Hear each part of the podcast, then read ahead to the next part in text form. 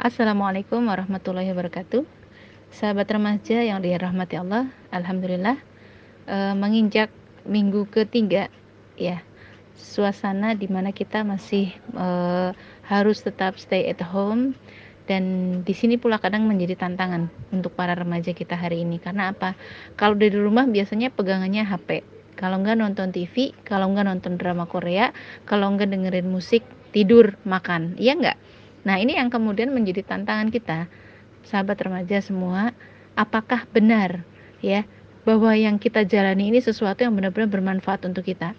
Kalau kita ngomong bermanfaat di dunia, oke okay lah, makan bermanfaat untuk menggemukkan badan ya.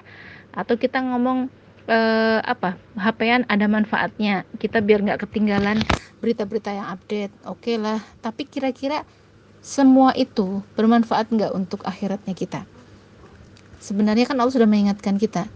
A'udzubillahi minasyaitonirrajim wal 'asr. Innal insana lafi husr illa illa amanu wa 'amilus wa tawassaw bil haqq wa tawassaw bis sabr. Demi masa sesungguhnya manusia itu benar-benar berada dalam kerugian kecuali orang-orang yang beriman, beramal soleh, saling menasehati supaya senantiasa menaati pada kebenaran dan saling menasehati supaya bisa menetapi pada kesabaran. Masya Allah, Allah sudah mengingatkan kita untuk menggunakan masa, untuk menggunakan waktu sebaik-baiknya. Ya, saya yakin dengan penetapan social distancing, dengan kita tetap e, diperintahkan untuk stay at home, teman-teman mengalami kejenuhan itu mungkin iya. Tapi apakah benar semua yang kita lakukan ini bermanfaat untuk dunia dan akhiratnya kita? Sesuatu yang berguna untuk dunia belum tentu berguna untuk akhirat. Tapi sesuatu yang berguna untuk akhiratnya kita pasti berguna untuk dunianya kita. Meskipun hasilnya bisa jadi tidak untuk hari ini. Ya kan, teman-teman mungkin berjam-jam bisa pegang HP betah banget chatting sama teman. Ya apalagi ngobrol di grup nggak jelas ngalor ngidul dan sebagainya. Nah coba sekarang berjam-jam pegang Quran betah nggak? Betah tidurnya kali kalau udah pegang Al-Quran. Ya kan? Hal seperti ini kan sering kali menjadi sebuah introspeksi untuk kita. Benarkah kita sudah memanfaatkan waktu dengan baik di sisi yang lain sebenarnya Allah sudah mengingatkan kita. Manusia itu sebenarnya sudah benar-benar ada dalam kerugian. Kecuali siapa? Nah digambarkan orang yang merugi berarti kebalikan dari yang disebutkan di ayat selanjutnya yaitu orang-orang yang beriman. Orang nggak beriman rugi jelas ya. Kemudian orang yang nggak beramal soleh rugi, rugi banget di dalam kehidupan dunianya. Mereka tidak bisa saling menasehati ya supaya menetapi kebenaran. Kemudian tidak bisa saling menasehati supaya bisa menetapi kesabaran, rugi banget. Karena sebenarnya apa yang kemudian di dalam surat Al-Asr ini memberikan sebuah gambaran kepada kita bahwa kita jangan sampai merugi. Makanya lakukanlah ya, keimanan kita harus tetap terjaga dengan sempurna. Yang kedua, beramal solehlah. Beramal soleh itu kan pernah kita bahas. Amal soleh, sesuatu dikatakan amal soleh itu kan ketika niatnya segala sesuatu itu karena Allah. Yang kedua, caranya harus benar sesuai dengan syariat. Nah, sekarang kalau kita cuman sekedar melakukan hanya kemubahan di rumah, mubah, mubah, mubah, nggak ada nilai pahalanya di situ. Kira-kira amal soleh atau enggak? Bisa nambah berat nggak itu timbangan amal solehnya? Ya enggak lah. Yang dilakukan kebanyakan mubah. Nonton TV mubah, bisa jatuh haram, bisa. Ya kan? Ngobrol sama teman bisa gitu. Haram bisa. Atau mungkin hanya kemubahan-kemubahan saja. Sekalinya mau ngobrol sama teman terapkan itu nasihat kepada teman-teman kita. Dakwahi mereka saling mengingatkan kepada mereka sebarkan kebaikan. Jadi amal soleh buat kita.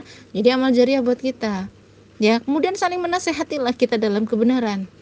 Masya Allah. Makanya ini tadi loh karakter seorang muslim dikatakan sebagai khairu ummah sebaik-baik umat itu adalah ketika seorang muslim senantiasa menjaga dirinya untuk saling menasehati ya dalam dakwah. Dalam hal ini sebenarnya kan Allah sudah mengingatkan kita kuntum khairu umatin ukhrijat linas ta'muruna bil ma'ruf wa tanhauna 'anil munkar. Kalian itu adalah umat terbaik. Allah sematkan setelahnya. Umat terbaik itu yang kayak apa? Yang senantiasa melakukan amar ma'ruf nahi munkar jadi ketika kita menyandang predikat sebagai umat yang terbaik, jangan pernah kita tinggalkan predikat kita sebagai pelaku amar ma'ruf nahi mungkar. Ayo saling nasihat menasehati dengan teman-teman kita. Teman-teman kita udah tahu kok nggak usah dinasehati, jangan salah. Ya orang udah tahu ilmunya, ujiannya juga lebih gede. Jadi di situlah saling menasehati terus dan terus supaya apa? Terjaga keistiqomahannya kita. Ya begitu juga dengan semakin kita mendalami syariat, emangnya nggak ada godaannya banyak. Setannya yang turun nggak cuma setan yang e, pangkatnya rendah, yang turun jenderalnya setan bisa jadi. Karena apa? Ya kamu ngajinya udah banyak hafalannya udah banyak. Yang turun bukan setan yang sembarangan. Iya kan? Nah di sini pula saling menasehati dalam kesabaran. Karena apa? Ujian hidup pasti banyak. Semakin tinggi eh, agamanya, semakin tinggi keimanan seseorang, maka ujian itu pasti akan Allah uh, berikan juga sesuai dengan kadar keimanannya seseorang. Sehingga saling menasehati pula lah dalam kesabaran supaya apa? Supaya kita tetap bisa menapaki uh, kehidupan di dunia ini dengan sebaik-baiknya. Jangan sia-siakan waktu kita hanya untuk melakukan kemubahan-kemubahan. Ayo ya kita jadikan waktu kita hari ini sebagai waktu terbaik dalam diri kita dalam kehidupan kita. Karena apa? Entah kita bisa tetap masih bisa hidup sampai besok atau tidak. Insya Allah semoga bermanfaat. Assalamualaikum warahmatullahi wabarakatuh